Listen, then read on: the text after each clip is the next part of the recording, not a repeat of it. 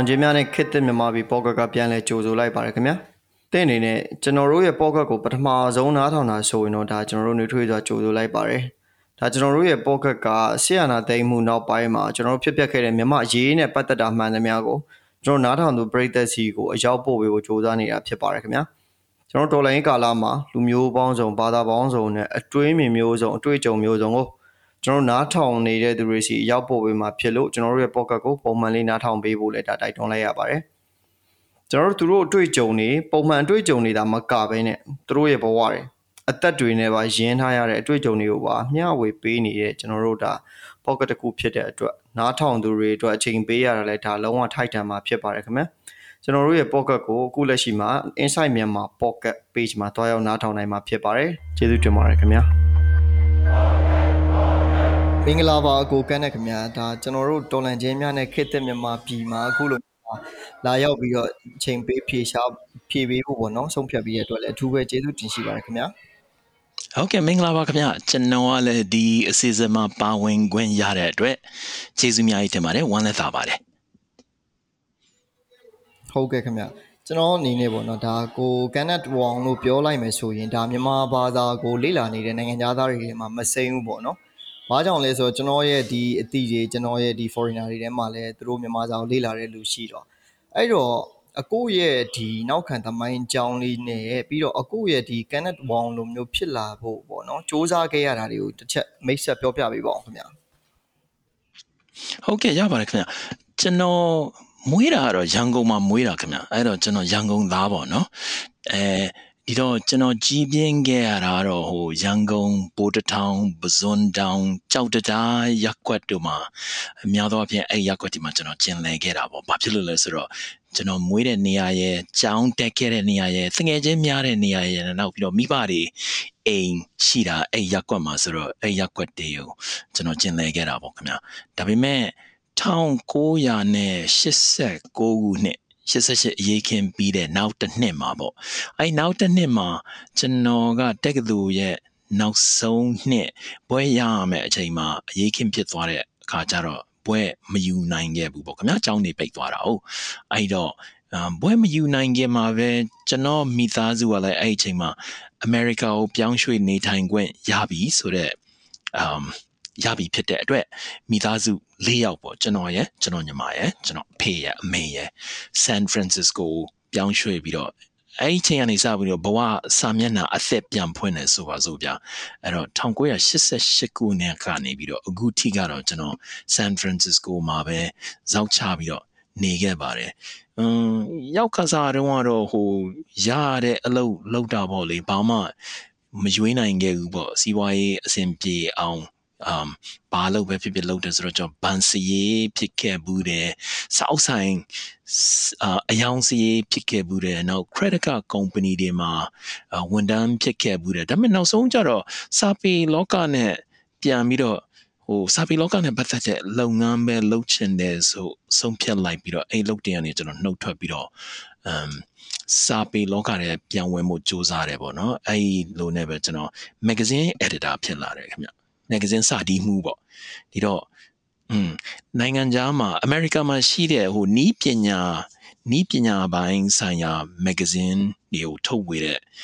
ပုံနှိပ်တိုက်ကထုတ်ဝေသူတယောက်စီကနေပုံထုတ်ဝေသူတယောက်ရဲ့ company ကနေပြီးတော့ကျွန်တော်စာဒီမှုခန့်လိုက်တဲ့ခါကျတော့အဲ့ဒီကနေစာဒီမှုလုပ်ရင်းနဲ့နောက်အခုလည်းပဲကျွန်တော်အဲ့လို magazine တွေမှာ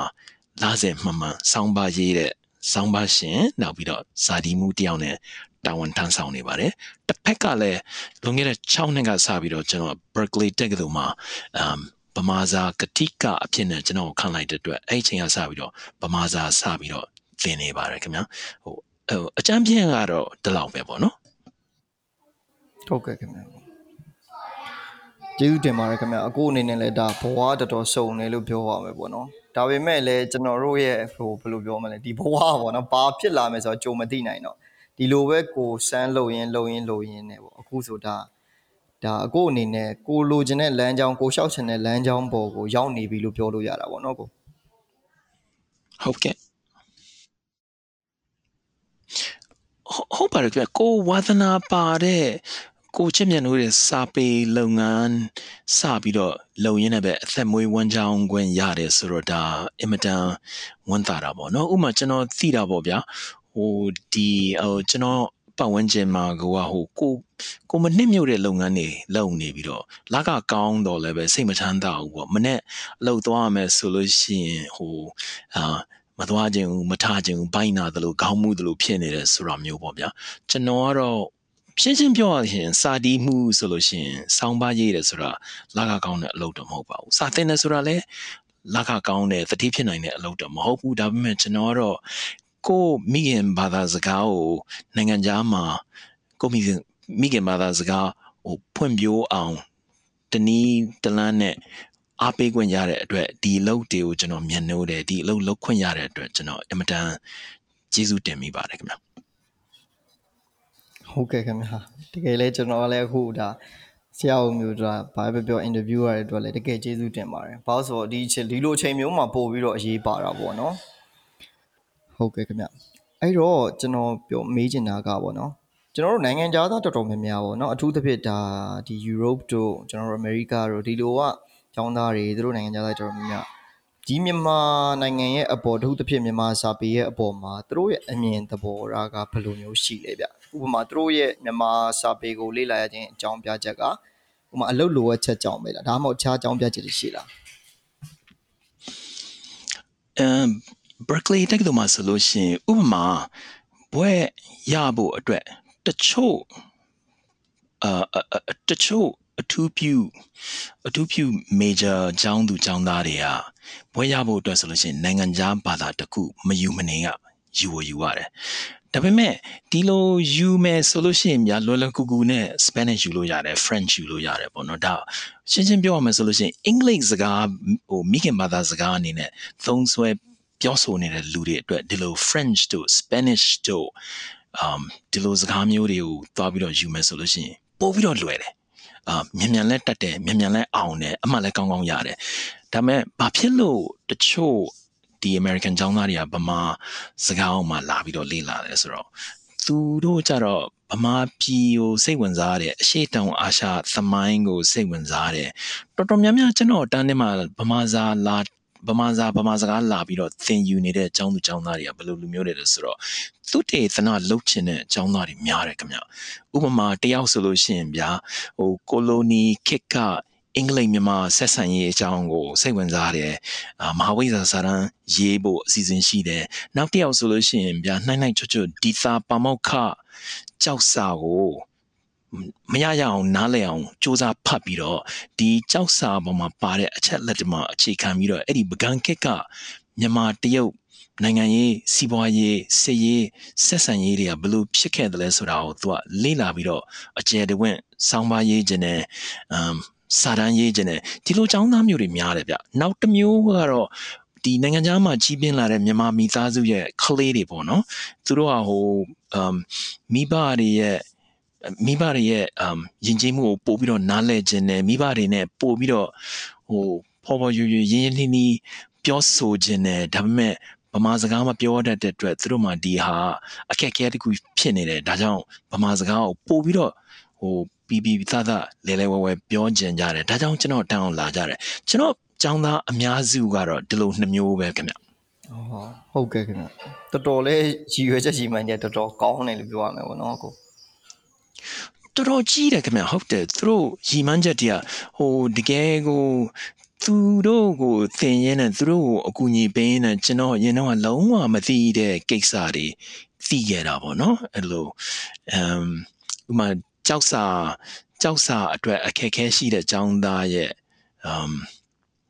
သူသူမေးတဲ့မေးခွန်းတွေကိုဖြေဖို့အတွက်ကျွန်တော်ကိုယ့်အကိုလေးလာရင်နဲ့ပကံခက်ကစလုံးပေါင်းတွေနဲ့အခုခေတ်မြန်မာစလုံးပေါင်းတွေဘလို့ကွာခြားလဲဆိုတော့ကိုယ့်အကိုပြန်ပြီးတော့သိလာတယ်ဒါတကယ်လို့သူနဲ့သာမတွေ့ခဲ့ရင်ကျွန်တော်ဒီကိစ္စတွေလုံးဝလေးလာပြင်မှာလည်းမဟုတ်ဘူးသိမှာလည်းမဟုတ်ဘူးပေါ့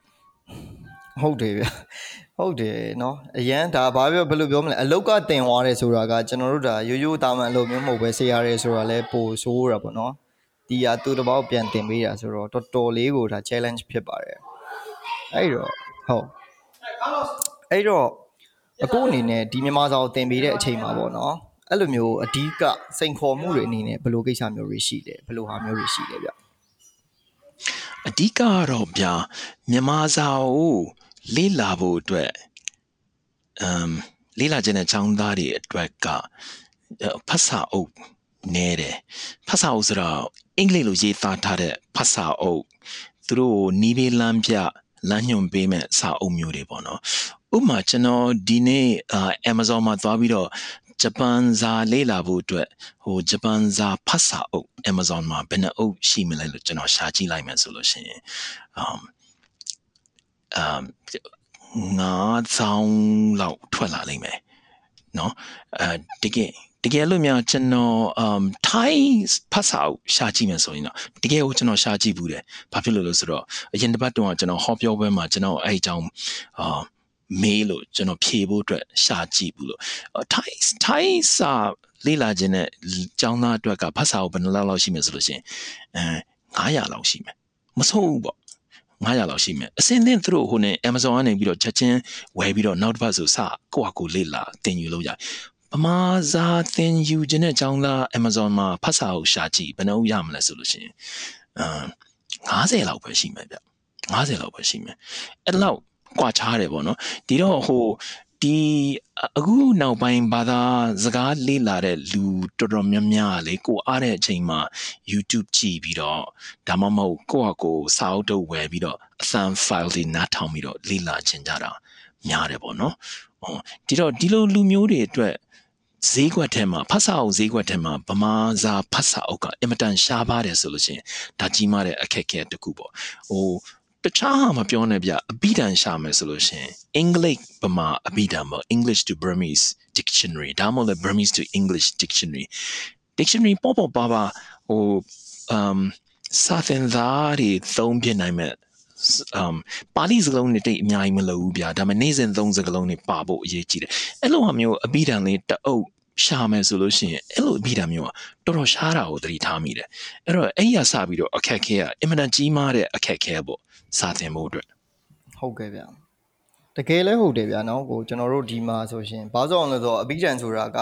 ဟိုနေ့စဉ်နဲ့မြစကလုံးကအစ်စ်ထွက်နေတာပေါ့နော်အဲ့ဒါကို update လုပ်ပေးမယ်ဘာသာစကားပေါ် view site ပေးမယ်အဖွဲ့အစည်းတွေလူပုဂ္ဂိုလ်တွေနည်းနေရလို့ပဲပြောရမှာပေါ့နော်ကို ဟုတ်တယ်ဟုတ်တယ်ဒီဈေးကွက်ဆိုတဲ့ဟာလည်းဗျာပြဿနာ तू ကဟိုဝယ်ယူသူရှိမှဈေးကွက်ထဲမှာဒီဈေးကွက်ကိုဒီဈေးကွက်ထဲမှာရောင်းလို့ရမယ်အယောင်ပစ္စည်းတွေကပေါ်လာမှာပေါ့နော်ဒီတော့ဟိုဝယ်မဲ့ចောင်းသားမရှိလို့ရှိရင်ဒီအဘိဓမ္ပြုစုရေးသားမဲ့စာတီးမှုတွေစာရေးဆရာတွေမရှိဘူးအဲအဘိဓမ္မရှိလို့ရှိရင်သင်ခြင်းတဲ့ចောင်းသားမရှိဘူးအဲ့တော့ဂျာအေးသူ့အမေရိုက်ဖြစ်နေတာပေါ့ အဲ့တော့အကိုဗျနိုင်ငံတစ်ခုရဲ့ဘာသာစကားဆိုတာဗျာဒါကျွန်တော်တို့လည်းတော်တော်များများအကုန်လုံးလည်းဒါသဘောပေါက်နားလဲတယ်ပေါ့နော်သူ့နိုင်ငံရဲ့စီးပွားရေးတွေနိုင်ငံရေးတွေလူမျိုးရေးတွေနဲ့ဓာတ်ရိုက်ဆက်နွယ်နေတာဆိုတော့လက်ရှိမြန်မာဇာရဲ့စိုးရင်ရေးမှတ်ကဘလို့အခြေအနေလောက်ရောက်နေမလဲဆရာဘလို့ထင်လဲဗျအပြည်တွင်းမှာကတော့ဘယ်လိုခေါ်မလဲပြည်တွင်းမှာဆိုလို့ရှိရင်စိုင်းစရာ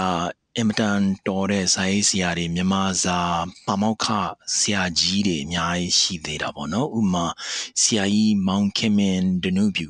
မောင်ခင်မင်ဆိုတာသူ့ကလောင်နာမည်ကမောင်ခင်မင်မလို့ကျွန်တော်မောင်ခင်မင်ခေါ်နေတာတကယ်တော့ဥခင်မင်လို့ကျွန်တော်လေးလေးစားစားပြောအောင်ပါပေါ့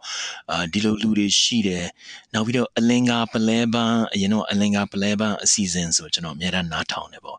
အဲ့အလင်္ကာပလဲပန်းအစီအစဉ်မှာမြန်မာစကလုံးတွေရဲ့ဇင်းမြင့်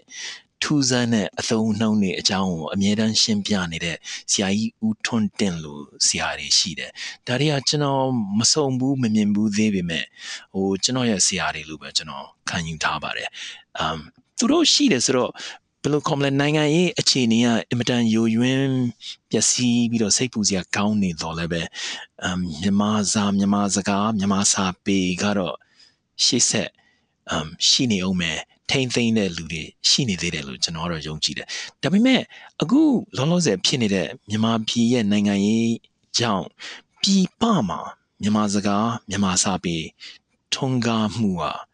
အင်မတန်ဆုပ်ယုပ်သွားတယ်လို့ကျွန်တော်ထင်တယ်။ဘာဖြစ်လို့လဲဆိုတော့စဉ်းစားကြည့်နော်ကျွန်တော်အကြောင်းသားတွေက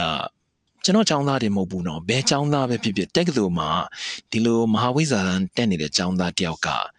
တခုခုကိုဇောက်ချပြီးတော့ဘာသာစကားတခုခုကိုဇောက်ချပြီးတော့လေ့လာမယ်ဆိုလို့ရှိရင်သူ့ရဲ့ရည်ရွယ်ချက်ကနှစ်နှစ်လေးနှစ်လောက်သူရင်းနှီးပေးရလိမ့်မယ်ပြီးသွားလို့ရှိရင်သူကအဲ့ဒီနိုင်ငံကိုသွားပြီးတော့ကြောက်စာတွေသူကိုယ်တိုင်ဖတ်ချင်တယ်ဒါမှမဟုတ်ကွင်းဆင်းပြီးတော့လူတွေကိုသူကိုယ်တိုင်မေးမြန်းချင်တယ်တွေးဆုံကန်လုပ်ချင်တယ်အတန်သွင်းပြီးတော့လေ့လာချင်တယ်သုံးသပ်ချင်တယ်ဒါမျိုးတွေလုပ်ချင်တဲ့ရည်ရွယ်ချက်နဲ့သူတို့ကနှစ်နှစ်လေးနှစ်ရင်းနှီးပြီးတော့ဘာသာစကားတစ်ခုကိုဟိုထမင်းစားရည်တော့အဆင့်ကြော်လွန်ပြီးတော့ ဆောင်းပါးတွေပါဖတ်နိုင်တဲ့အဆင့်အထိသူတို့ကဟိုမင်္ဂုန်တွေပါပေးနိုင်တဲ့အဆင့်အထိသူတို့လေ့လာခြင်းတယ်ပေါ့ဗျာဒါပေမဲ့ဒီလိုလေ့လာပြီးသွားတော့ဗမာပြည်ကိုသွားဖို့ကအဆင်မပြေဘူးဆိုလို့ရှိရင်သူတို့အတွက်ကလေးလာခြင်းစိတ်သိမ့်မရှိတော့ဘူးပေါ့နော်အခုစလေးလာမယ်လေးနှစ်ကျော်သွားလို့ရှိရင်ဗမာပြည်သူတို့သွားလို့ရမှာလားမရဘူးလားမသေးကြဘူးပေါ့အခုလောလောဆယ်နိုင်ငံရဲ့အခြေအနေကိုကြည့်ပြီးတော့ပြောရမယ်ဆိုလို့ရှိရင်ဒီတော့နောက်ပြီးတော့ပြည်ပမှာရှိတဲ့ အမ်နိုင်ငံနိုင်ငံဂျာသားတွေဆိုပါတော့ဗျာအရင်တော့ဆိုလို့ရှိရင်မြန်မာပြည်ကိုခရီးသွားကြကြတဲ့လူတွေရှိတဲ့အတွက် ဘယ်လိုပဲဖြစ်ဖြစ်ထမင်းစားရေသောက်အဆင့်လောက်တော့သူတို့လေးလာခြင်းနဲ့တပတ်လောက်သွားမယ်ဆိုလို့ရှိရင်တော့မှသူတို့ထမင်းစားရေသောက်အဆင့်လောက်ထိလေးလာပြီးတော့မှဒေသခံတွေနဲ့တလုံးစင်နှလုံးစင်ဘာပဲဖြစ်ဖြစ်တလုံးနှလုံးတတ်တလောက်မှတ်တလောက်သူတို့ပြောပြီးတော့ပြောကြကြတဲ့လူတွေကများတယ်ခရီးသွားတွေကရှိတယ်ဒါပေမဲ့အခုဒီလိုခရီးသွားဖို့ကိုကအဆင်မပြေဘူးဆိုတော့အခါကျတော့ခရီးသွားဖို့အတွက်ဗမာစာဗမာစကားကိုလေးလာခြင်းနဲ့နိုင်ငံသားဆိုတော့အင်မတန် ရှားပါသွားပြီပေါ့ဗျာနော်ဒီတော့ဒီအခုအာနာသိမ့်ပြီးသွားတဲ့ကာလမှာအင်မတန်ကိုသိစာလုံးအကြည့်ပါတယ်ဒါကျွန်တော်တင်မဟုတ်ဘူးနိုင်ငံသားတက်ကတူတွေမှာဗမာစာသင်နေတဲ့ကျွန်တော်တို့ចောင်းဆရာဆရာမတွေကြီးလိုက်မယ်ဆိုလို့ရှိရင်ကျွန်တော်တို့တကယ်ကိုလက်တဆုပ်စာလောက်ပဲရှိတာပါ9ယောက်6ယောက်9ယောက်10ယောက်လောက်ပေါ့နော်ကျွန်တော်တို့အားလုံးကျွန်တော်တို့ဆွေးနွေးကြည့်တယ်အာနာသိမ့်ပြီးကလေးကကျွန်တော်တို့ចောင်းသားဥယျာဉ်တွေကလေကျသွားတယ်ခင်ဗျ ဒါကတော့လုံးဝညှင်းဆန်လို့မရဘူးဒါအာနာသိန်းနာနဲ့ဓာတ်ရိုက်ပတ်သက်နေတယ်လို့ကျွန်တော်တို့ပြောလို့ရတယ်အမှန်ပါပဲဆရာပြောတော့လဲကျွန်တော်လုံးဝဘယ်လိုပြောအပြည့်အဝထောက်ခံတယ်ပေါ့နော်။ဘာကြောင့်လဲဆိုတော့လက်ရှိမှာဆရာတို့ဒါအဝေးပေါ့နော်ဒီအနောက်တိုင်းနိုင်ငံတွေမှာပြောနေလက်ရှိရှေ့တောင်အာရှနိုင်ငံတွေမှာရှိနေတဲ့သူတွေတောင်မှဟိုတော်တော်လေးကိုအခြေအနေဆိုးနေရပေါ့နော်။ဥမာထားသတင်းသမားတွေ ကျွန်တော် researcher တွေသူတို့ဒါနိုင်ငံတွင်းဝင်ဖို့တော့တော်တော်စဉ်းစားတဲ့အနေအထားဖြစ်နေတာပေါ့နော်အဲ့တော့သူကမြန်မာနိုင်ငံသွားမယ်စာသူတို့ကအဲ့လိုမျိုးဟိုဗီယက်နမ်တို့ကျွန်တော်တို့ကမ္ဘောဒီးယားတို့ထိုင်းတို့ဒီအဲ့ဘက်ဒီပဲသွားလိုက်တယ်ဗျာကျွန်တော်ကျွန်တော်နဲ့အခုလက်ရှိပတ်ဝန်းကျင်မှာပေါ့အဲ့လိုဖြစ်နေရဆိုတော့ဒါဆရာတို့ဆိုအများကြီးပို့တွေ့ရကြုံမှာပေါ့နော်ဟုတ်တယ်မှန်တယ်ခင်ဗျအာနာမသိငင်ပွင့်လင်းကာလလို့ဆိုကြပါစို့ဟိုဦးသိန်းစိန်ခေတ် ကနေစပြီးတော့2000နဲ့21ခုနှစ်ကြာ10နှစ်လောက်အတွင်းပေါ့အဲ့10နှစ်လောက်အတွင်းမှာကျွန်တော်ဗမာစာစသင်လာတဲ့အခါကျတော့ကျွန်တော်အတွေ့အကြုံရပြောမယ်ဆိုရင်ကျောင်းသားတော်တော်များများဘာလုပ်ကြလဲဆိုတော့ကျွန်တော်စီမှာလေးလလောက်လာပြီးတော့ဗမာစာသင်တယ်အာသင်ပြီးတော့လို့ရှိရင်တို့ကနွေရာသီကျောင်းပည့်ရဆိုတို့ကဗမာပြည်သွားတယ်ဗမာပြည်သွားပြီးတော့တို့ တလားလောက်ဗမာပြည်မှာနေတယ်ရန်ကုန်မှာတိုက်ခန်းငှားပြီးတော့နေတယ်သူတို့လေ့လာခြင်းတဲ့ကိစ္စစာပေပဲဖြစ်ဖြစ်ကြောက်စာတွေပဲဖြစ်ဖြစ်အာလေ့လာတယ်ခရီးသွားတယ်ပြီးပြန်လာတယ်ပြန်လာတဲ့အကြောင်းသားဆိုလို့ရှိရင်လေသူတို့ရဲ့စကားပြောတာချက်ချင်းကိုနှစ်ဆသုံးဆတိုးတက်သွားတယ်ဆိုတော့ကျွန်တော်တိတိသာသာကြီးကိုကျွန်တော်တွေးမိတယ်ဗျဒီလိုအကြောင်းသားမျိုးတွေအခုမရှိမရှိကုန်မရှိတော့ဘူးဘာဖြစ်လို့ဆိုတော့ သူတို့ကသွားကျင်တယ်ဆိုလို့ရှိရင်ဗီဇာအဆင်မပြေတာတကြောင်နောက်ပြီးတော့သွားလိုက်လို့ရှိရင်ဟိုအခမသိလို့ရှိရင်သူတို့ဖမ်းမိသွားလို့ရှိရင်သူတို့ကတစကားအနေနဲ့သူတို့ဖမ်းထားလို့ရှိရင်တလတနှစ်နှစ်လသုံးနှစ်အခုကဗျာဟိုသံအမဟောင်းတော့မှဟိုအခမသိလို့ရှိရင်ဖမ်းမိတတ်တဲ့အခြေအနေမျိုးဆိုတော့စိတ်ပူစရာပေါ့နော်ဟုတ်တယ်ဗျ။ဘာကြောင့်လဲဆိုတော့လက်ရှိပြည်သူကြားမှာ ပဲနေရင်ထိုင်ရင်နဲ့အကဲပေါ့နော်မတော်တဆဆိုတော့ပြောလို့မရဘူးပေါ့သူတို့အနေနဲ့လည်းဒါစိုးရင်မယ်ဆိုလဲစိုးရင်စရာပါပဲတော့ပေါ့တခါလေကြလို့ရှိရင်အကြောင်းမရှိလဲအကြောင်းရှာပြီးတော့ဖမ်းညံလဲဖမ်းမှာပဲဘာလို့လဲဆိုတော့ညှိနှိုင်းဆွေးနွေးတဲ့နေရာမှာတစကန်တယောက်ယောက်လိုမယ်ဆိုလို့ရှိရင်ဖမ်းထားမှာပေါ့နော်ဟုတ်ကဲ့ဗျဘက်ပေါင်းစုံတော့ပေါ့ဒီလိုမျိုးစဉ်းစားမယ်ဆိုရင်တော့ဟိုဘာပဲပြောပြောဒီမြန်မာနိုင်ငံဒီအထူးသဖြင့်ပေါ့မြန်မာစာမြန်မာဇာကားရဲ့ အခြေအနေအနေထားကတော့ဒီနိုင်ငံရခြားတွေမှာတော့တော်တော်လေးကိုအခြေအနေဆိုးတယ်လို့ပြောလို့ရတာပေါ့နော်ဆရာဟုတ်တယ်ကျွန်တော်တခုဝန်းနေတာလေဟိုဥပမာဆိုကြပါစို့ဗျာတချို့ဘာသာစကားတွေဆိုလို့ရှိရင်ယဉ်ကျေးမှုဩဇာအာဏာကြီးမားတဲ့အကြောင်းအရာတစ်ခုခုကြောင့်ဒီဘာသာစကားတွေကိုသင်ကျင်နေတဲ့လူတွေကအမြဲပေါ်ထွန်းနေတယ်ဒီဘာသာစကားတွေကိုလူတွေကခရီးမသွားခြင်းတော့မှသူ့နဲ့သူတို့လေးလာခြင်းစိတ်ကပေါ်နေကြတယ်ဥပမာဆိုကြပါစို့ anime ဆိုလို့ရှိရင်ဗျာ anime ဆိုလို့ရှိရင်ကမ္ဘာတဝန်းလုံးမှာလူတိုင်းကကြည့်ကြကြတယ်စိတ်ဝင်စားစားကြတယ်ဒီတော့ anime စကား anime တွေကစကားတွေကိုနားလည်ခြင်းလို့ဂျပန်စကားလေ့လာတဲ့လူတွေဆိုတော့အများကြီးရှိတယ်เนาะနောက်ပြီးတော့ K-pop K-pop ဆိုတော့ Korea ကဟိုအဆိုတော်ပေါက်စလေးတွေပေါ့ အဲအဲ့လိုအဲ့လို K-pop သချင်းတဲ့စာသားတွေကိုနားလည်ခြင်းလို့ Korean စကားလေ့လာတဲ့လူတွေအများကြီးရှိကြတယ်ဒါမှမဟုတ်လည်းဗျာဟိုတရုတ်ပြည်မှာအလုပ်သွားလုပ်ခြင်းလို့ဂျပန်ပြည်ကိုရီးယားမှာအလုပ်သွားလုပ်ခြင်းလို့မလေ့လာရင်မရလို့လေ့လာတဲ့လူတွေရှိကြတယ်ဗမာစကားအတွက်ဒီလိုလေ့လာခြင်းစိတ်ပေါ်လာအောင်တွန်းပို့ပေးမဲ့အရာဝတ္ထုလောလောဆယ်တော့မရှိသေးဘူးเนาะအာဒီတော့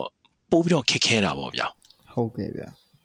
သေချာပဲဗျဒါပေမဲ့ကျွန်တော်တခါတလေပေါ့စဉ်းစားမိတာမျိုးပေါ့ဆရာရဲ့။အော်အခုလိုမျိုးအခြေအနေဖြစ်နေတာပေါ့နော်။အာမြန်မာနိုင်ငံမှာဒီလိုမျိုးဆီယနာသိမ်းမှုဖြစ်တယ်။ဆီယနာသိမ်းမှုဆိုတာဖြစ်ပေမဲ့ဒါဆိုဘယ်လိုပြောမလဲအာဖရိကနိုင်ငံတွေမှာဆိုရင်ဖြစ်ရိုးဖြစ်စင်တောင်လို့ပြောလို့ရတယ်ဆရာရဲ့။သို့ပေမဲ့မြန်မာနိုင်ငံကတခြားနိုင်ငံတွေနဲ့မတူဘဲနဲ့လုံးဝကြီးကိုဒါပြင်းပြင်းထန်ထန်ဆန့်ကျင်နေပြီးတော့ရတဲ့နီးနဲ့လည်းတောက်လျှောက်လက်ရှိအချိန်အထိကို ဒါနှစ်နှစ်နီးပါးကတ်နေတဲ့ဒေါ်လာရေးကာလမှာဒီကြံ့ကြံ့ခံထားရဆိုတဲ့အနေအထားတွေကဘာပဲပြောမြန်မာနိုင်ငံရဲ့အခြေအနေကိုဟိုအများပို့ပြီးတော့သိချင်လာနိုင်တဲ့အနေအထားတော့ဖြစ်တာပေါ့နော်။သို့ပေမဲ့အခုလိုဆရာနဲ့စကားပြောတဲ့အချိန်မှာပို့ပြီးတော့မှဂဂနာနာတည်တည်ချာချာစစ်စစ်ဆက်ဆက်သိရတာပေါ့။ Okay ဟိုကျွန်တော်တက်သူအကြောင်းသားရဲ့ရှူတောင်းကကြည့်ရင်တော့တမျိုးပေါ့နော်အခုနိုင်ငံရေးအခြေအနေရဆိုလို့ရှိရင်တက်ကသူအကြောင်းသားမဟာဝိဇာရန်တက်နေတဲ့ ကျောင်းသူကျောင်းသားတွေဆိုလို့ရှိရင်နှစ်နှစ်လေးနှစ်ဇောက်ချပြီးတော့မြန်မာစာသင်ဖို့ဆိုတာသူတို့အတွက်ကအခုဇဝေဇွာဖြစ်ဇဝေဇွာဖြစ်စရာပေါ့လေဒီနိုင်ငံရဲ့အခြေအနေကြောင့်အာဒါပေမဲ့ဒီနိုင်ငံရေးအခြေအနေကြောင့်သတင်းကောင်းစင်တွေထဲမှာဗမာအမြဲတမ်းပါလာနေတဲ့အတွက်အမ် ဗမာယဉ်ကျေးမှုဗမာရာဇဝင်ကိုပို့ပြီးတော့စိတ်ပါဝင်စားလာမဲ့လူတွေလည်းတိုးပွားလာလိမ့်မယ်လို့အဲအဲ့လိုလဲဟိုကောက်ချက်ချလို့ရတယ်ဒါပေမဲ့ဒီလိုတိုးပွားလာတဲ့လူတွေထဲမှာဗမာစာဗမာစကားကိုကျွမ်းကျွမ်းကျင်ကျင်လေးလာတတ်တဲ့အထိလေးလာခြင်းတဲ့လူတွေက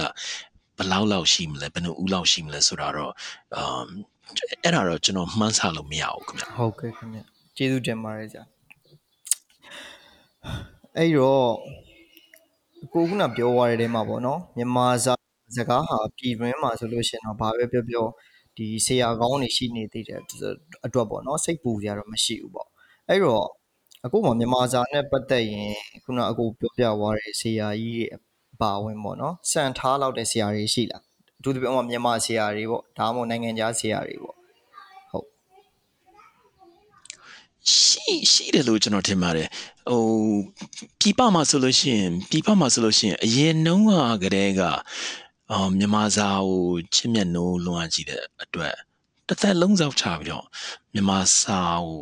လေ့လာခဲ့တဲ့ဆရာ John O'Kell ဆိုကျွန်တော်မှတ်မိတယ်အခုဆိုလို့ရှိရင်တော့ကွယ်လွန်သွားပြီပေါ့နော်ဒါပေမဲ့ဆရာ John O'Kell ရေးသားခဲ့တဲ့စာအုပ်တွေဆိုလို့ရှိရင်အခုထိမြန်မာစာလေ့လာနေတဲ့ကျောင်းသားတွေအတွက်အင်မတန်အသုံးဝင်တယ်အမ် စာအုပ်တွေပဲဖြစ်ပါတယ်တခါလေကြာလို့ရှိရင်ကျွန်တော်ចောင်းသားတွေမေးလာတဲ့မေးခွန်းတွေအတွက်အဖြေရှာလို့မရရင်ကျွန်တော်ဆရာဂျွန်နိုခဲလ်ရဲ့စာအုပ်တွေမှာရှာကြည့်လိုက်လို့ရှိရင်တွေ့တတ်တယ်။ um ထိုနည်းတူပဲဆရာမောင်ခင်မင်ဒနုပြူရဲ့စာအုပ်တွေမှာစောင်းပါးတွေမှာပြန်ပြီးတော့ရှာကြည့်လိုက်လို့ရှိရင်သူတို့သိကျင်တဲ့အချက်လက်တွေကိုဖြေနိုင်တဲ့ဟာမျိုးတွေကျွန်တော်ဖြစ်ဘူးတယ်ခဏခဏကြုံဘူးတယ်ခဏခဏကြုံဘူးတယ်ဟုတ်ကဲ့အဲ့တော့အဲအဲ့လိုဆရာသမားတွေရှိတာကိုပဲကျွန်တော်ကတော့ကျေးဇူးတင်ပါတယ် ဟုတ်ကဲ့ခင်ဗျာဆရာအဲ့တော့အခုဆိုလို့ရှင်ပေါ့နော်အဲဒါအခုတော့မဟုတ်ပေါ့ကျွန်တော်တို့ပြောသလိုတကယ်ဟိုပွင့်လင်းကာလာပေါ့နော်ပွင့်လင်းကာလာပဲဖြစ်ဖြစ်ဒီလိုမျိုးအခုလိုကြက်တဲနေတဲ့ကာလာမှာပဲဖြစ်ဖြစ်ပေါ့ဒီဘာသာတိုင်းဘာသာစကားတိုင်းမှာခေတ်သစ်ဗန်စကားတွေကဒါတစ်နေ့နဲ့တစ်နေ့ဆိုတာဆရာတို့လည်းအတီကျွန်တော်တို့လည်းအတီပဲဒါအများတန်းတိုးတက်နေတယ်ပေါ့နော်အဲ့တော့ အဲ့လိုမျိုးခေတ်သစ်ဗန်စကားအသုံးပြုခြင်းကကျွန်တော်တို့ဒီလိုမျိုးဘာပြောပြောဘာသာစကားအတွက် strong ဖြစ်တဲ့နိုင်ငံတွေအတွက်ကတော့ပြဿနာမရှိပေမဲ့အခုလိုကျွန်တော်တို့လိုမြန်မာနိုင်ငံနဲ့လက်ရှိအခြေအနေနေထားမှာဒီလိုဗန်စကားအသုံးပြုခြင်းကကျွန်တော်မူရင်းမြန်မာစာပေကိုထိခိုက်နိုင်လားထိခိုက်မယ်ဆိုရင်ရောဘယ်လိုမျိုးထိန်းသိမ်းကာကွယ်လို့ရမလဲဗျဘန်စကားဆိုတော့ဗျာကျွန်တော်ထင်တယ်ဘန်စကားဆိုလို့ရှိရင်အမ်ရေပုံးရအဖြစ်ပြောရမယ်ဆိုလို့ရှိရင်တော့ အဆိုင်ဝိုင်းအသေးလေးတစ်ခုအတွင်းလူတွေပဲနားလဲတဲ့စကားလို့ပြောရမှာပေါ့နော်အဲ့ဒီအဲ့ဒီစကားမျိုးကနေပြီးတော့တပြေးပြေးနဲ့နောက်ပြီးတော့အဲ့ဒီအဆိုင်ဝိုင်းအပြင်ကလူတွေကပါဒီစကားကိုစပြီးတော့တွင်တွင်ကြဲကြဲသုံးလာတဲ့ဒီစကားရေပန်းစားလာတယ်ဆိုလို့ရှိရင်အမ်ပို့ပြီးတော့ကြဲကြဲပြန့်ပြန့်သုံးတဲ့ပန်းစကားတစ်မျိုးဖြစ်လာတယ်ပေါ့ဥပမာဆိုကြပါစို့ကျွန်တော်မှတ်မိတယ်အမ် ပထမဆုံးကျွန်တော်ဗမာပြည်ပြန်ရောက်တုန်းကလူငယ်လေးတွေလက်ဖေးဆိုင်အောင်ပြောနေတော့ကျွန်တော်တော့အဲ့တော့သိနားမလဲတဲ့အတွက်ဟိုကျွန်တော်နဲ့ပါလာတဲ့ကျွန်တော်ရဲ့ဟိုညီမလေးတွန်းခွဲကိုရှင်းပြခိုင်းရတယ်ဥမာပေါက်ပေါက်ဖောက်တယ်တို့ပလတ်ကျွတ်တယ်တို့နော်ဟိုအာဇီးပန်းခင်းနေတယ်တို့ဘာလို့အဲ့လိုဟိုအပြောဆိုတွေပေါ့နော်ကျွန်တော်တို့ခေတ်တုန်းကဆိုလို့ရှိရင်မရှိခဲ့ဘူးပေါ့ဒီဟာကဘာလို့ဖော်ပြလဲဆိုတော့အမ်ဝါဟာရတွေ ဟိုစကလုံးသစ်တွေဝါဟာရတွေတီထွင်နေတယ်ဆိုတော့တာရကလို့ကျွန်တော်ထင်တယ်အဲ့တော့ဟိုစိုးရင်စရာတော့မရှိဘူးလို့ကျွန်တော်ထင်တယ်ဘာဖြစ်လို့လဲဆိုတော့ဥမာကျွန်တော်တို့ kit တုံးကဆိုလို့ရှိရင်လေကျွန်တော်တို့ kit ဆိုတာ1980 1990ပေါ့ဗျအဲ့တော့ဆိုလို့ရှိရင်ကျွန်တော်မှမိတဲ့မင်းသိန်ခါရဲ့ဝတ္ထုတွေတွေကလူကြိုက်များတဲ့ professor dr စိတ်ဖွာအဲ့ professor dr စိတ်ဖွာဟာတယောက်ယောက်ကသူပြောတာကိုနားမလဲဘူးဆိုလို့ရှိရင်ကိုလူတော်တော်ဒုံဝေးတာပဲလို့ ပြောတတ်တဲ့ဟာကိုကျွန်တော်မှတ်မိတယ်အဲ့တော့အဲ့ဒုံဝေးတာပဲဆိုတော့စကလုံးကတော်တော်လေးအသုံးများလာပြီးတော့လူငယ်တွေအတိုင်းဝိုင်းတွေထဲမှာကိုကဆရာကြီးမင်းတင်ခါရဲ့စာအုပ်တွေကလည်းလူတွေကတော်တော်များများလူကြိုက်များကြတာဟုတ်ဗျအဲ့တော့အဲ့ဒုံဝေးတာပဲဆိုတဲ့စကားလုံးလူတွေသုံးလာကြတယ်နောက်ပြီးတော့ May Sweet အဆိုတော့ May Sweet ကတချင်းဆိုတဲ့နေရာမှာချစ်သူကအရင်ကလို့သူနွေးနွေးထွေးထွေးမဆက်ဆံတော့ဘူးဟိုအဲ တင်းမာလာပြီးလေသံလည်းမာလာပြီးသူအရင်ကလို့ဂယုမဆိုင်တော့ဘူးမချစ်တော့ဘူးထင်တယ်ဆိုတဲ့ဟာကိုလေစိမ့်နေတိုက်နေတယ်ဆိုတဲ့တချင်းဆိုတဲ့အဲ့ကလေစိမ့်နေတိုက်နေတယ်ဆိုတဲ့စကားလုံးကအတိတ်ပဲတစ်မျိုးနဲ့လူငယ်တွေကြားထဲမှာပေါ်ပေါက်လာတယ်ပေါ့နော်အမ်တခါလေကျတော့လေဥမာမိုက်တယ်ဆိုတဲ့စကားလုံးကဟိုးရင်တော့မူရင်းအတိတ်ပဲကမရိုင်းနဲ့ ရန်ကားတယ်ဆိုတဲ့အတိတ်ပဲဖြစ်တော့လဲပဲကျွန်တော်ဦးလေးကျွန်တော်မိဘတွေခစ်တယ်အဲ့ဒီမိုက်တယ်ဆိုတဲ့စကားလုံးကခစ်ဆန်နဲ့အားချဖို့ကောင်းတယ်ဆိုတဲ့အတိတ်ပဲအတိတ်ပဲသစ်တစ်မျိုးနဲ့စပြီးတော့သုံးလာတာကိုကျွန်တော်သတိထားမိတယ်ဒီတော့ဟိုဘန်စကားတိုင်းကဘန်စကားတွေကတကယ်တော့ဘန်စကားတွေဆိုတာလဲဘာသာစကားရဲ့ဒစိတ်တသေးတာပဲလို့ကျွန်တော်ထင်ပါတယ်เนาะဘန်စကားတွေအကြောင်း um ဘာသာစကားတခုပျက်စီးသွားမယ်လို့တော့ကျွန်တော်တော့အဲအဲ့လောက်တော့ကျွန်တော်မစိုးရင်ခင်ဗျအခုကျွန်တော်တို့နေ့စဉ်သုံးသုံးနေတဲ့တွင်တင်ကြကြသုံးနေတဲ့ဗမာစကားတွေထဲမှာလဲတချို့အသုံးနှုန်းဝါရတွေဆိုလို့ရှိရင်ဥပမာဟို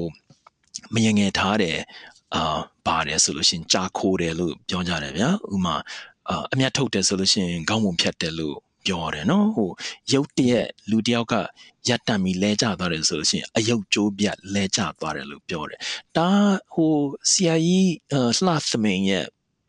ဘန်စကားသုံးပုံသုံးနီးစာအုပ်ကိုကြည့်မယ်ဆိုလို့ရှိရင်ဒီစကားတွေကတစ်ချိန်လုံးကတကယ်တော့ဘန်စကားတွေဗျဒါပေမဲ့ကျွန်တော်တို့အခုချိန်မှာကျတော့တွင်ကျယ်လာတဲ့အခါကျတော့နေ့စဉ်သုံးစကားလုံးတွေဖြစ်သွားတယ်ဘန်စကားလို့ကျွန်တော်တို့မယူဆတော့ဘူးဒီတော့ ကောက်ချက်ချလို့ရတာတော့ဗျာဘန်စကားဟာလူတွေလက်ခံတယ်တွင်တွင်ကြွကြွသုံးလာတယ်ဆိုလို့ရှိရင်တနေ့နေ့တစ်ချိန်ချိန်ကြားလို့ရှိရင်ဒီဘန်းစကားတွေကအပိဓာနေထဲမှာပါလာလိမ့်မယ်အတိတ်ပဲဖွင့်ထားလိမ့်မယ်ဇင်းမြစ်တွေပါတွေဖော်ပြပြီးတော့ဟိုတရားဝင်သုံးတဲ့စကားလုံးအပြောအဆိုတွေဖြစ်သွားလိမ့်မယ်အဲ့တော့ဘန်းစကားကြောင့်ဘာသာစကားတခုထိခိုက်နိုင်တယ်လို့တော့အဲအဲ့လိုတော့ကျွန်တော်စိုးရင်စိတ်မရှိဘူးခင်ဗျဟုတ်ကဲ့ခင်ဗျကျေးဇူးတင်ပါတယ်ခင်ဗျဟုတ်ကဲ့ အာအခုလက်ရှိမှာပေါ့နော်ဆရာပြောသလိုပေါ့ပြည်တွင်းမှာတော့ဟိုတကယ်ဆရာကောင်းသမားကောင်းတွေရှိသေးတယ်ပြီးတော့လည်းမြန်မာနိုင်ငံဖြစ်တဲ့အတွက်လည်းမြန်မာစာမြန်မာစကားဆိုတာလည်းတွင်တွင်ကြဲကြဲသုံးနေသေးတယ်။သို့ပေမဲ့လက်ရှိမှာဒီအထူးသဖြင့်ပေါ့ကျွန်တော်တို့ဒါ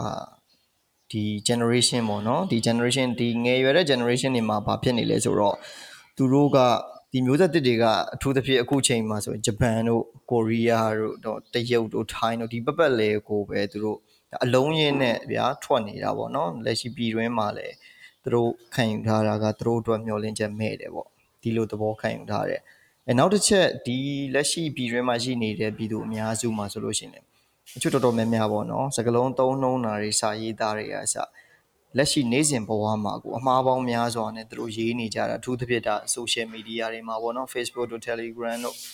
အစုံပေါ့ signal တို့အဲ့လိုမျိုးတွေမှာတွေ့နေတာအမှားတွေကပေါ့နော် အဲ့တော့အဲ့အမားတွေကကောကျွန်တော်တို့ဒါအခုမူရင်းမြန်မာဘာသာကိုအများကြီးထိခိုက်မှုရှိလားအဲဒီအမ်ဒီဥစ္စာနည်းနည်းစဉ်းစားစရာပေါ့နော်ဒါပေမဲ့လေကျွန်တော်ဒီလိုစဉ်းစားရတယ်ဗျာအဲဗမာပြည်မှာဗမာလူဗမာပြည်ရဲ့လူရဲ့ဗမာရဲ့လူကြီးက55 55အမ်55သန်းထင်ပါရဲ့ 55 million 55သန်းဟုတ်ကဲ့အဲ Facebook Facebook သုံးနေတဲ့ဗမာပြည်မှာ Facebook သုံးနေတဲ့လူဦးရေဒါ Facebook ရဲ့ Facebook ရဲ့စည်ရင်အရာပေါ့သူတို့ကကြေညာတယ်ကျွန်တော်တို့ဘယ်နိုင်ငံတွေမှာလူရေဘလောက်ကကျွန်တော်တို့အာ application ကိုသုံးနေပြီလဲဆိုတာကိုကြေညာတယ်ဒီကြေညာချက်ရဆိုလို့ရှိရင်ဗမာပြည်မှာအာသန်းပေါင်း20 20 million 20 million อ่ะ Facebook ကိုသုံးနေကြတယ်တနည်းပြောရမယ်ဆိုလို့ရှိရင်မြန်မာပြည်လူဦးရေရဲ့35 38ရာခိုင်နှုန်းလောက်မြန်မာပြည်လူဦးရေ38ရာခိုင်နှုန်းလောက်က Facebook သုံးနေတယ်လူမှုရေးကွန်ရက်သုံးနေတယ်လို့ပြောလို့ရတာပေါ့နော်ဒီတော့လူ10ယောက်မှလူ4ယောက်လောက်ကလူမှုရေးကွန်ရက်သုံးနေတယ် Facebook သုံးနေတယ်လို့ပြောလို့ရတာပေါ့အရင်လူမှုရေးကွန်ရက် မပေါ်လာခင်တုန်းကလေကျွန်တော်တို့လူ10ယောက်မှလူ4ယောက်ရဲ့အရေးသားကိုမြင်နိုင်တယ်တွေ့နိုင်တယ်ဆိုတာခဲရင်တယ်နော်ဘာဖြစ်လို့လဲဆိုတော့ဟိုအဲတကယ်ကိုစာအုပ်စာပေထဲမှာဖော်ပြတဲ့စာသားတွေကစာဒီမှုတွေရဲ့စာဒီမှုပေါက်ဆစာဒီမှုကြီးစာဒီမှုအစင်စင်တွေကိုကြော်ဖြတ်ပြီးတော့မှအမားတွေသဒ္ဓါတွေစလုံးပေါင်းတွေသတ်ပုံတွေအကုန်ပြင်ပြီးသွားတော့မှ ပေါ်ထွက်လာတဲ့စာသားတွေဆိုတော့အမားအင်မတန်နဲတယ်ဒါပေမဲ့လူမှုရေးကွန်ရက်ဖြစ်ခက်ကဘယ်လိုဖြစ်လဲဆိုတော့သူသူငါငါလူတိုင်းဘယ်သူပဲဖြစ်ဖြစ်စာဒီမှုဒီကိုအစင်စင်ဖြတ်ကျော်ခြင်းမရှိဘဲနဲ့ရေးချင်တာရေးပြီးတော့အခုချက်ချင်းရေးအခုချက်ချင်းခလုတ်တစ်ချက်နှိမ့်လိုက်လို့ရှိရင်အခုချက်ချင်းစာသားပေါ်လာတယ်ဒီတော့အရင်တုန်းကကတည်းကကျွန်တော်ထင်တယ်ဒီလိုအမားတွေကလေအမားတွေရေးနေတဲ့လူတွေ ရှိတော့ရှိလိမ့်မယ်လို့ကျွန်တော်ထင်တယ်ဒါပေမဲ့ကျွန်တော်တို့သူတို့ရဲ့စာသားတွေကိုကျွန်တော်တို့မြင်ခွင့်တွေ့ခွင့်လောက်မရှိခဲ့ကြဘူးဗျဒါပေမဲ့လူမှုရေးကွန်ရက်ပေါ်လာတဲ့အခါကျတော့ဗျဟိုလူအများကဘယ်သူပဲဖြစ်ဖြစ်ရေးနိုင်တယ်ဘယ်သူပဲဖြစ်ဖြစ် um ချက်ချင်းလည်းငယ်ဟိုစာဖပရိသတ်သူ့ရဲ့ပရိသတ်ပေါ့လေသူ့ရဲ့ပရိသတ်ကကြီးမားခြင်းကြီးမဲ့ဟိုကျင်းမြောင်းခြင်းကျင်းမြောင်းလိမ့်မယ်ဒါပေမဲ့ဘယ်သူပဲဖြစ်ဖြစ်ဟို online ပေါ်မှာစာရေးပြီးတော့တင်ပြလို့ရတဲ့ခ က်ကာလဖြစ်လာတယ်အဲ့တော့လူတိုင်းရဲ့အမှားတွေကိုကျွန်တော်တို့တွေ့လာတယ်ပေါ့နော်ဒီတော့ဟိုရုပ်တရက်ကြည့်လိုက်မယ်ဆိုလို့ရှိရင်ဟာအရင်တော့ငါတို့စာသားတွေကလူတွေကမှန်မှန်ကန်ကန်ရေးနေရသားနဲ့အခုဘာဖြစ်လို့များလူတိုင်းကအမှားတွေရေးနေပါသလဲဆိုပြီးတော့စိတ်ပြက်စရာတွေဖြစ်လာလိမ့်မယ်ပေါ့နော်ဒါပေမဲ့တကယ်တော့လူအများကြီးကရေးနေလို့ကျွန်တော်တို့ဒီမှားတွေကိုတွေးလာတယ်လို့ကျွန်တော်တော့ထင်မိတယ်ခင်ဗျဟုတ်ကဲ့ခင်ဗျ အရင်ကောင်းတဲ့သုံးသက်ချက်ပါဒါဆိုလို့ရှိရင်ဒါဘာပဲပြောပြောကျွန်တော်တို့ဒါအရင်နဲ့မှားနေကြကြားလို့ပြော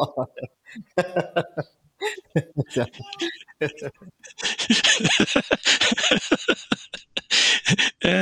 အာတချို့ဟာတွေကလည်းလေပုံမှန်လင်းလင်းပြောရမယ်ဆိုလို့ရှိရင်ဟိုကျွန်တော်တောင်မှဗျာပုံမှန်လင်းလင်းပြောရမယ်ဆိုလို့ရှိရင်တခါတလေချလို့ရှိရင်ဗမာစကားထဲမှာဗျာဟိုအသံတူတဲ့စကားလုံးတွေကအများကြီးရှိတယ်နော်ဒီတဲ့ဒီတော့တ ခါလေချလို့ရှိရင်အပိဒံမကြည့်ဘဲနဲ့ကျွန်တော်ကလူတယောက်ကကျွန်တော်ရုပ်တရက်မေးလိုက်မယ်ဆိုလို့ရှိရင်ဒီဥစ္စာညာကလေးသာလားငါသာလားဒီဥစ္စာရပင်လားရရင်လားတခါလေးဆိုလို့ရှိရင်ချက်ချင်းဖြေရမယ်ဆိုလို့ရှိရင်ကျွန်တော်ကိုယ်တိုင်ကိုဇဝေဇဝါဖြစ်တယ်ခင်ဗျအာလူမျိုးကွန်ရက်ရဲ့သဘောတရားလည်းဗျာချက်ချင်းလည်းငယ်ပြောစရာရှိလို့ရှိရင်ချက်ချင်းပြောတယ်ဆိုတော့အတူကောက်ရေးတာတွေများတယ်သပုံကယူမဆိုင်ပဲနဲ့ တစ်ဖက်လူနားလည်ပြီးရောဆိုတဲ့သဘောမျိုးနဲ့ရေးတာတွေများတယ်အဲ့တော့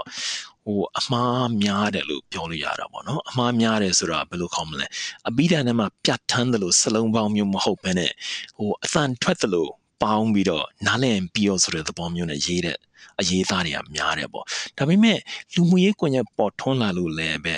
အရင်တုန်းကကျွန်တော်တို့ အာဘာပဲဖြစ်ဖြစ်ပေါ့လေသူတို့ရဲ့အရေးသားကြောင်ပဲဖြစ်ဖြစ်သူတို့ရဲ့နိုင်ငံရေးခံယူချက်ကြောင်ပဲဖြစ်ဖြစ်ဘယ်သူမှသူတို့ဟိုတင်ဆက်ခွင့်ထုတ်ဝေခွင့်မပေးတဲ့ကြပြားဆရာစာရေးဆရာတွေတင်ဆက်ခွင့်ထုတ်ဝေခွင့်ရလာတာလဲဒါကြတော့လေဟိုကောင်းကျိုးဆိုးကျိုးဒွန်တွဲပြီးတော့ကြည့်လို့ရတာပေါ့ဒါပေါ့နော်ကျွန်တော်တို့ဒါ social media ဆိုတော့လဲဒါအခုဆိုရင်တော်တော်များများပြောတာပေါ့တကယ်တော့ကျွန်တော်ငငယ်တုန်းကသင်ခဲ့ရတဲ့ဒီ English ဒီ textbook တွေကပေါ့နော်ဟိုကျွန်တော်တို့ပါ fire me ပေါ့နော် a good servant or a bad master ပေါ့ဒါမျိုးပါပဲเนาะကျွန်တော်တို့ social media လည်းဖြစ်နေတာဆိုတော့ဒါဟိုကျွန်တော်တို့အခုပြောနေတဲ့ဒါ podcast ကိုနားထောင်ပြီးရင်တို့ဘာဖြစ်ပြောနည်းနည်းတော့ or release ဖြစ်တော့အော်ငါတို့စိတ်ထဲမှာနည်းနည်းတက်တာရရဝမ်းမယ်ပေါ့နော်တို့အဲ့လောက်တော့မဆိုးသေးပါဘူးပေါ့ကဲ ကျွန်တော်တော့အဲ့လောက်မစိုးသေးဘူးလို့တင်နေဟုတ်တယ်ကျွန်တော်ဒီဒီလူမျိုးရေးကွန်ရက်ပေါ်လာလို့ဘယ်လာဒါမှမဟုတ်ပဲလေဟိုလူမျိုးရေးကွန်ရက်ကြောင့်မမပြည်ကလူငယ်တွေပြည်ပနဲ့ထိတွေ့ဆက်ဆံခွင့်အများကြီးရလာတယ်။နောက်ပြီးတော့အမြင်တွေကျဲလာတယ်။ဒီလိုအမြင်တွေကျဲလာတဲ့အတွက်ဝါရသစ်တွေပေါ်ထွန်းလာတာပေါ်ထွက်လာတာလဲကျွန်တော်သတိထားမိတယ်။လွန်ခဲ့တဲ့10နှစ်ပွင့်လင်းကာလတုန်းကဆိုလို့ရှိရင်ဥမာဆိုကြပါစို့ အဲဒီမိုကရေစီရေးပြောဖို့အတွက်ဆွေးနွေးဖို့အတွက်မှာစကားထဲမှာတချို့လိုအပ်တဲ့စကားလုံးတွေကမရှိဘူးခင်ဗျမရှိတဲ့အခါကျတော့ထွင်ကြတာပေါ့နော်ဥပမာ transparency ဆိုတဲ့စကားလုံးမျိုးမရှိတဲ့အတွက်ပွင့်လင်းမြင်သာမှုဆိုတဲ့စကားလုံးထွင်ကြတယ်အာအရင်တော့ဆိုလို့ရှိရင်ဗျာဟို ဒီလူတုံးစုကိုကျွန်တော်တို့ကချိုးချိုးနှိမ်နှိမ်ပြောတဲ့ဝါဟာရတွေတော့ရှိပါရဲ့အချောက်တို့ကန်တူတို့ကြည်ပုံတို့ဒါပေမဲ့နောက်ပိုင်းကျတော့သူတို့သိခါရှိရှိလေးလေးစားစားပြောတဲ့လိန်တူချစ်သူဆိုတဲ့စကားလုံးမျိုးတွေပေါ်ထွက်လာတယ်ထွင်ကြထွင်ကြတာပေါ့နော်ဒီဥစ္စာတွေကဘယ်လိုခေါ်မလဲလူမှုရေးကွန်ရက်ကြောင်းလို့လည်းပြောလို့ရတယ်ပွင့်လင်းကာလမှာပြည်ပနဲ့ပို့ပြီးတော့အဆက်အသွယ်အထီးတွေ့များလာတဲ့အတွက်ဗမာပြည်ဗမာစကားရဲ့ဝေါ်ဟာရ တနည်းတစ်ပုံတိုးပွားလာတာလို့လည်းပြောလို့ရတယ်လို့ကျွန်တော်ထင်တယ်ဟုတ်ကဲ့ဗျအဲ့တော့အကိုပေါ့နော်ကျွန်တော်ဒါဟိုအကုန်လုံးအတွက်လည်းမေးချင်တာပေါ့နော်မြန်မာနိုင်ငံလိုနိုင်ငံမျိုးပါဗျာကျွန်တော်တို့တိုင်းသားဆိုဒါရာကျော်ရှိတဲ့နိုင်ငံမျိုးပေါ့အဲ့လိုနိုင်ငံမျိုးမှာကျွန်တော်တို့ဒါဗမာစကားကိုကျွန်တော်ဂျုံသုံးစကားဖြစ်သတ်မှတ်ထားတာမျိုးပေါ့နော်အဲ့ဒီပုံမှာအကိုဘယ်လိုမြင်လဲကျွန်တော်သဘောကျတာကတော့လေဒီ ဗမာစကားကိုယုံသုံးစကားအနေနဲ့သတ်မှတ်ထားတာလဲမမှားပါဘူးဘာဖြစ်လို့လဲဆိုတော့ဆက်ဆံရေးအတွက်ဆိုလို့ရှိရင်ဟိုရွာတိုင်းရွာတိုင်းကကိုယ့်ရဲ့ဒေသန္တရစကားပဲပြောနေမယ်ဆိုလို့ရှိရင်ဟိုဆက်ဆံရေးအတွက်အင်မတန်ဒုက္ခရောက်မယ်ပေါ့ဘာလို့ဆိုတူကိုတူနားမလဲဘူးအဲ့တော့နားလဲမှုလွဲမှားမှားတာဖြစ်လာတယ်ဒါပေမဲ့ဖြစ်တဲ့တာကတော့ဖြစ်တဲ့တာကတော့ သူတို့တိုင်းရင်းသားစကားဘာသာစကားကိုလည်းအားပေးတဲ့တယ်လို့ကျွန်တော်ထင်တယ်ဗမာစကားကိုဟိုသင်ပေါ့ဗျာကျောင်းမှာစံချိန်စံနှုန်းတစ်ခုအဖြစ်ဗမာစကားကိုသင်ဒါမှတတိုင်းပြည်လုံးမှာတယောက်နဲ့တယောက်ဆက်ဆံရေးအတွက်ချောချောမွမွရှိမယ်အဆင်ပြေမယ်ဒါပေမဲ့မိခင်ဘာသာစကားဖြစ်တဲ့ရှမ်းကချင်ကရင်ဒီတိုင်းရင်းသားစကားတွေကိုလည်းမမေ့မပြောက်သင့်ဘူးထိမ့်သိမ့်သင့်တယ်လို့ကျွန်တော်ထင်တယ်အဲ့တော့သင်သင့်တယ်ပေါ့ဗျာဟို တို့ဒီတကယ်တော့ဘာမှမဆမ်းပါဘူးဒီနိုင်ငံခြားမှာဆိုလို့ရှိရင်အထက်တန်းကျောင်းကျောင်းသွားတဲ့ကျောင်းသားတိုင်းကျောင်းသားတိုင်းဆိုလို့ရှိရင်သူတို့ဟို um second language second language ဒုတိယဘာသာစကားတစ်ခုသင်ယူရတယ်အာခံယူချက်ကတော့ရေပုံရအပြင်ပြောရမယ်ဆိုလို့ရှိရင်နိုင်ငံခြားဘာသာစကားတစ်ခုကိုလေ့လာမယ်ဆိုလို့ရှိရင်သူ့ရဲ့အမြင်တွေကျယ်ပြန့်လာတယ်အတွေးအခေါ်ရှုထောင့်တွေလည်းကျယ်ပြန့်လာတယ်ဒီတော့သဘောထားကြီးလာတယ်လို့ ပြောလို့ရတာပေါ့နော်အဲ့တော့ဒီလိုအတွေးခေါ်မျိုးနဲ့တွေးမယ်ဆိုလို့ရှိရင်ဒီတိုင်းရင်းသားဘာသာစကားကောဗမာဘာသာစကားရောနှစ်ဘာသာစကားလုံးနှစ်ဘာသာနှစ်မျိုးသင်တဲ့ကျောင်းစနစ်မျိုးပညာရေးစနစ်မျိုးရှိတဲ့တယ်လို့ကျွန်တော်ထင်တယ်ဟုတ်ကဲ့ကောင်းမွန်တဲ့အကြံပြုချက်ဟုတ်ပဲဘာလို့လို့ဒီဟာကလိုအပ်တယ်ဆိုတော့ဒီကာလမှာပို့ပြီးတော့လိုအပ်တယ်ပေါ့နော် အကုန်လုံးကလည်းအရှင်ကထပ်ပို့ပြီးတော့ဟိုတွင်တွင်ပြောလာတဲ့ဇာတ်ကားပေါ့ကျွန်တော်တို့ Federal Democracy Federal Democracy ဆိုတော့ဒီဘိုင်းနေမှာအများကြီးဇာတ်ကားပြောရမှာပေါ့နော်ဟုတ်တယ်မှန်ပါတယ်ဟုတ်တယ်ဟုတ်တယ်ဟုတ်အဲ့တော့အထူးသဖြင့်ပေါ့ဗျာကျွန်တော်တို့ကဒါဒီမြန်မာစာမြန်မာစကားနဲ့ပတ်သက်ပြီးတော့လေဟိုဒီကိုနေစဉ်ဘဝမှာဒါတွေနဲ့ပတ်သက်ပြီးတော့လုံပန်းနေတာပေါ့နော် အဲ့တော့အခုကျွန်တော်လည်းဒီတိုင်းသားဒေတာတွေမှာအချိန်ပေးခဲ့တော့လေကျွန်တော်ဘာတွေသတိထားမိလဲဆိုတော့တိုင်းသားဒေတာတွေမှာဗျဥပမာတရခွင်လိုနိုင်ငံနေရာမျိုးတွေရုံမိုင်းဆိုင်ရာကိစ္စတွေမှာတော်တော်လေးကိုဒုက္ခများတယ်ပြီးတော့ဖိနှိပ်မှုတွေလည်းရှိတယ်ပေါ့နော်ပြီးတော့ကိုတို့လည်းသိမလားမသိဘူးဒါလာဝကလာဝကဆိုတာလူဝင်မှုကြီးကြပ်ရေးပေါ့နော်ကျွန်တော် immigration နေမှာဆိုရင်ဗမာအချင်းချင်းပေါ့ထားပါတော့မြန်မာစကားလို့အချင်းချင်းတော့တော်တော်လေးကိုနှိပ်ကွတယ်လက်စားတယ်တော်တော်နာမည်ဆိုးနဲ့ နာမည်ကြီးရဲ့နေရာမျိုးဆိုတော့ဒိုင်းနာဒေတာလိုနေရာမျိုးမှာဆိုရင်တော့တော်တော်လေးကိုဒါဟိုနာမည်ဆိုးထွက်တယ်ပေါ့နော်အဲ့အပိုင်းနေအဲ့တော့ဘာသာစကားကကျွန်တော်တို့ဒီတိုင်းသားလူမျိုးတွေအများကြီးရှိတယ်မြန်မာနိုင်ငံရဲ့စီးလုံးမှုညီညွတ်မှုပြိုကွဲစေတဲ့အကြောင်းရင်းတွေရတစ်ချက်လို့ပြောရင်ရောအကိုလက်ခံမလားဒါဟိုဘာသာစကားဘာသာစကားပေါ်မှာလေဒီဘာသာစကားတခြားဘာသာစကားတွေတဲ့ တာတယ်ဆိုတော့အတွေးခေါ်ရှိလို့ရှိရင်တော့မကောင်းဘူးပေါ့ဗျာအာဒါဥမာလေးသာနောင်ကအဲ့လိုအတွေးခေါ်မျိုးရှိရင်မကောင်းဘူးပေါ့နော်ဥမာဆိုကြပါစို့ဗျာအမ်ဗမာစာဗမာစကားပြောတတ်တဲ့လူကတိုင်းရင်းသားတွေတက်ပို့ပြီးတော့အခွင့်အရေးရမယ်ဒီလိုလူတွေကတိုင်းရင်းသားတွေမရနိုင်တဲ့ယာတုမျိုးတွေကိုရနိုင်မယ်ဒါဆိုလို့ရှိရင်တော့ မကောင်းဘူးပေါ့ဒါဆိုလို့ရှိရင်ဟိုအခွင့်အရေးနဲ့ပတ်သက်ပြီးတော့ဆုံးရှုံးမှုတွေရှိလာပြီဆိုလို့ရှိရင်ဒါသွေးကွဲစရာတွေဖြစ်လာမယ်ကျွန်တော်တို့အခုသွားခြင်းတဲ့ Federal ပြည်ထောင်စုစနစ်နဲ့လည်းမကိုက်ညီဘူးပေါ့နော်စဉ်းစားကြည့်မယ်ဆိုလို့ရှိရင်အရင်တုန်းကဆိုလို့ရှိရင်အင်္ဂလိပ်စကားပြောတဲ့နိုင်ငံတွေမှာသူတို့ကလူတိုင်းကဗျဟိုအထက်တန်းလွှာတွေစကားပြောတဲ့လေသံမျိုးနဲ့ပြောတာမျိုးသဘောကျတယ် BBC ဆိုလို့ရှိရင် Oxford ကျောင်းအတွက်လေသံမျိုးနဲ့ပေါ့နော်လေယူလေသိမ်းမျိုးနဲ့ဟိုတော်ဝင်တော်ဝင်နန်းသူနန်းသူနန်းသားတွေပြောတဲ့လေယူလေသိမ်းမျိုးနဲ့ပြောတာ哦သူတို့ကစံချိန်စံနှုန်းဖြစ်နေလူတိုင်းကအတူခိုးပြီးပြောတယ်ဒီတော့ဟိုသူတို့မှလည်းတိုင်းရင်းသားတွေမရှိဘူးမဟုတ်ရှိတယ်ခင်ဗျသူတို့မှဥမာ Scottish တို့ Irish တို့ Wales တို့ဆိုလို့ရှိရင် Welsh တို့ဆိုလို့ရှိရင်တိုင်းရင်းသားလို့ပြောလို့ရတာပေါ့လူနည်းစုပေါ့ခင်ဗျ ဒီတော့ Scottish လေသံနဲ့အင်္ဂလိပ်လိုပြောမယ် Irish လေသံနဲ့ပြောမယ် Welsh လေသံနဲ့ပြောမယ်ဆိုလို့ရှိရင်သူတို့နည်းနည်းနှိမ်တာပေါ့ဗျာ လောင်ကျင်တာပေါ့အမင်းကစကားဝဲတယ်ကွာမင်းစကားပြောတဲ့ပုံစံလဲဟိုပညာတတ်ပြောတဲ့ပုံစံနဲ့လည်းမတူပါလားဆိုပြီးတော့နှိမ်တယ်ပေါ့ဗျာဒါပေမဲ့အခုနောက်ပိုင်းမှာဒီအတွေးခေါ်တွေအမတန်ပြောင်းလဲလာတာကိုကျွန်တော်သတိထားမိတယ်ဥပမာ BBC မှာသတင်းကြေညာတဲ့လူတွေဆိုလို့ရှိရင် Irish လေသံနဲ့ပြောတဲ့လူတွေလည်းရှိမယ် Scottish လေသံနဲ့ပြောတဲ့လူတွေလည်းရှိမယ်အာ Oxford ကျောင်းတွက်လေသံနဲ့ပြောတဲ့လူတွေလည်းရှိမယ်ဒီလိုအတွေးခေါ်ပြောင်းလဲလာတာသဘောထားကြီးလာတာ လူဒန်းစားခွဲခြားတာကိုတိုက်ခိုက်တဲ့နီလန်တစ်ခုပဲလို့ကျွန်တော်ထင်တယ်အဲ့တော့ဗမာပြည်မှာလည်းပဲဟိုဘာသာစကားနဲ့ပတ်သက်ပြီးတော့ဗမာစကားကိုဗျာဟိုရှမ်းတယောက်ကပြောတဲ့ဗမာစကားစကားဝဲလို့သူ့ကိုလှောင်တာတို့ဘာလို့ဆိုလို့ရှိရင်တော့ဒီလိုဟာမျိုးတွေမဖြစ်သင့်ဘူးပေါ့နော်အမ်ဗမာစကားကတခြားတိုင်းသားဘာသာစကားတွေထက်ပိုပြီးတော့အခွင့်အရေးရနိုင်တဲ့ဘာသာစကားမျိုး ပို့ပြီးတော့အလေးထားတဲ့ဘာသာစကားမျိုးဖြစ်လာမယ်ဆိုလို့ရှိရင်ဒါဆိုလို့ရှိရင်တော့သွေးကွဲစရာတွေပေါ့ဒါပေမဲ့ဒီလိုမဟုတ်ပဲနဲ့ဟိုဒန်းတူညီမျှအာသာတူညီမျှရှိမဲ့ဘာသာစကားမျိုးစုံတွေကတစ်မျိုးနောက်ပြီးတော့တိုင်းသားဘာသာစကားတွေကိုလည်းအမ်ဒီ Federal ပြည်ထောင်စုရဲ့အလှအပအာသီယန်ဇာတာလို့ပဲသူတို့လေးလေးစားစားဆက်ဆံမယ်လေးလေးစားစားဟိုထိမ့်သိမ်းစောင့်ရှောက်ပေးမယ်အားပေးမယ်ဆိုလို့ရှိရင် သွေးခွဲစရာမရှိဘူးလို့ကျွန်တော်ထင်တယ်ဟုတ်ကဲ့ဗျကျေးဇူးတင်ပါတယ်ဆရာဒီလိုမျိုးဟို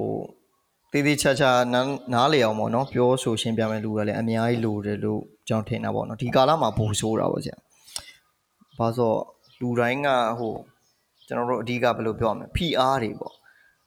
PR မျိုးစုံရင်ဆိုင်နေရတဲ့လူတွေကြတော့ဘာပဲပြောပြောထစ်ကနေဆိုလို့ရှိရင်စိတ်ခတ်မတင်တာတွေဒေါသထွက်တာတွေပေါ့နော် ဒီလိုမျိုး emotion တွေပေါ့စိတ်ပိုင်းဆိုင်ရာခံစားမှုအများများတဲ့ကာလဆိုတော့လေအလွယ်လေးအဲ့လိုမျိုးဟိုထိလွယ်ရှာလွယ်တွေဖြစ်တဲ့အတွက်ပေါ့နော်ဒါတွေကအရင်ရေးကြည့်ပါတယ်อืมဟုတ်ကဲ့ကြအဲ့တော့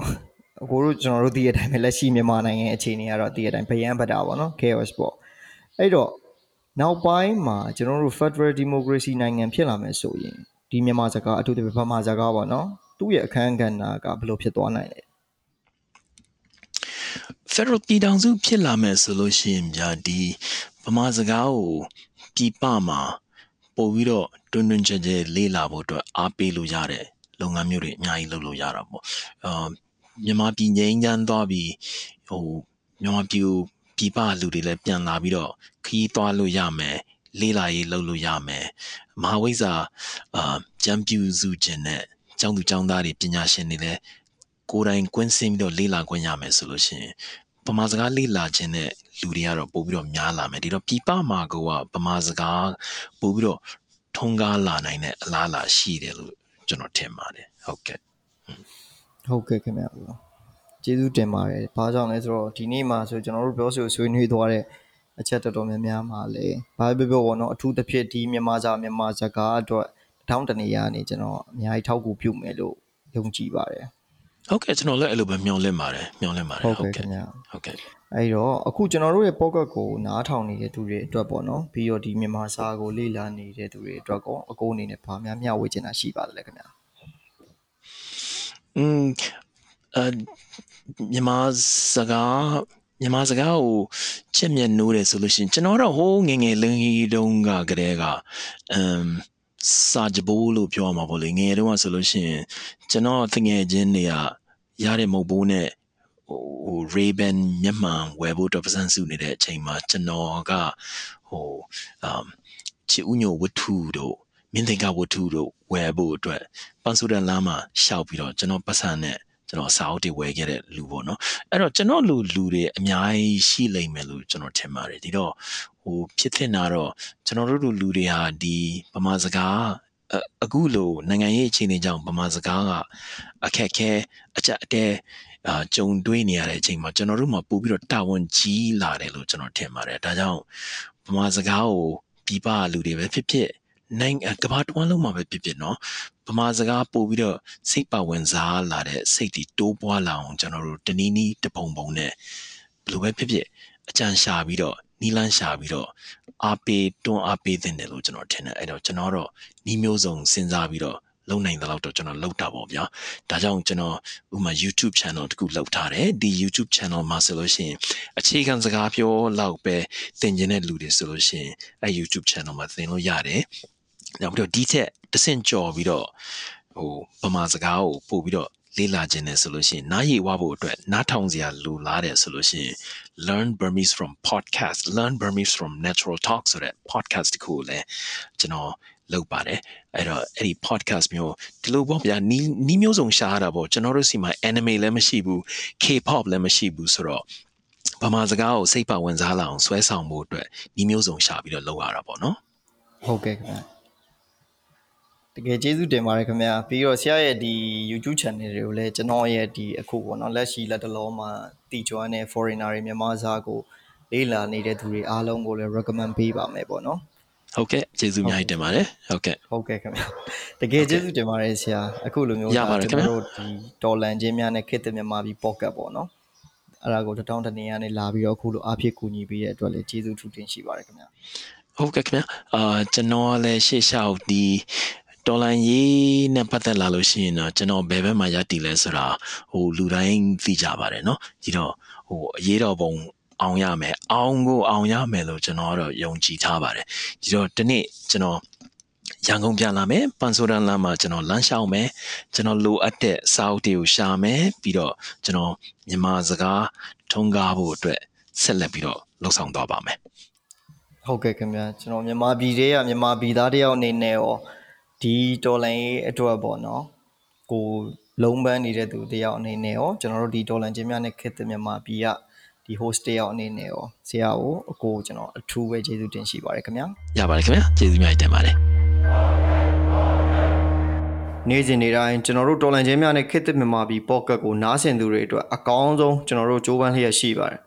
လက်ရှိမြေပြင်မှာမြန်မာနိုင်ငံအရေးကိုကြိုးပမ်းဆောင်ရွက်နေတဲ့သူတွေရဲ့မြေပြင်ခက်ခဲတွေ အားတက်စရာတွေစိတ်ပြက်စရာတွေစိတ်တက်ခွန်အားတွေဒီလိုလုံးဝအတက်ကြများတဲ့ကျွန်တော်တို့တော်လန်ရေးယူဒီဇိုင်းမမတ်ဖြတ်တန်းနေကြတဲ့သူတွေအကြောင်းအရာတွေ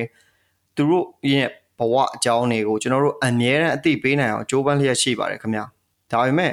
ကျွန်တော်တို့တကယ်အခြေအနေကိုအသိပေးနေတာကကျွန်တော်တို့ရက်တည်နေတာမြန်မာနိုင်ငံမှာလာရောက်တရားထုတ်နေတဲ့နိုင်ငံသားယောဂီတွေနဲ့နိုင်ငံခြားအလူရှင်တွေရဲ့အကူအညီကြောင့်ကျွန်တော်တို့ဒါအခုလိုရက်တည်နိုင်တာဖြစ်ပါတယ် ပြီးတော့ကျွန်တော်တို့ရဲ့ pocket ဖြစ်မြောက်လာဖို့စေတနာရင်းခံတဲ့ဝိုင်းဝန်းပံ့ပိုးပေးကြတဲ့ပညာရှင်တွေကျွန်တော်ပြီးရင် Insight မြန်မာ pocket ပြီးရင် Better Burma Organization ဒီလိုမျိုးကျွန်တော်တို့ဝိုင်းဝန်းပံ့ပိုးပေးကြတဲ့သူတွေကြောင့်လည်းဒါလက်ရှိမှာဒီမြန်မာနိုင်ငံရဲ့ຫນွေဥတော်လိုင်းနဲ့ပတ်သက်တဲ့အခြေအနေတွေနဲ့ pocket ပတ်သက်တဲ့ pocket တွေကိုကျွန်တော်တို့ဖန်တီးနိုင်တာဖြစ်ပါတယ်ခင်ဗျာဒါကြောင့်ကျွန်တော်တို့အဝေးရောက်မြန်မာနိုင်ငံသားတွေနဲ့မြန်မာနိုင်ငံမှာရှိတဲ့အလှူရှင်တွေအနေနဲ့ကျွန်တော်တို့တော်လန်ချင်းများနဲ့ခစ်သစ်မြန်မာပြည် pocket မှာ ထိရောက်တန်ဖိုးရှိတဲ့အကြောင်းအရာတွေကိုတကယ်နားထောင်လိုက်ရတယ်တကယ်ရှာဖွေတွေ့ရှိတယ်ဆိုလို့ရှိရင်ကျွန်တော်တို့ကိုအသေးမှတ်ပြုရင်းနဲ့ဝိုင်းဝန်းပံ့ဖို့ကူညီဖို့အတွက်ဒါကျွန်တော်တောင်းဆိုပါရခင်ဗျာကျွန်တော်တို့ကိုအကယ်၍လှူဒန်းခြင်းနဲ့ဆိုရင်ကျွန်တော်တို့ရဲ့မြန်မာ revolutionary tales page သို့မဟုတ် better ပါမှာသို့မဟုတ် insight မြန်မာ pocket မှာကျွန်တော်တို့ဒါဆက်သွယ်လှူဒန်းနိုင်ပါတယ်ခင်ဗျာမြန်မာပြည်အမြန်ဆုံးလွတ်လပ်ပါစေပြည်သူများ အမှန်မြင်၍အမြင်မှန်နိုင်ကြပါစေခင်ဗျာ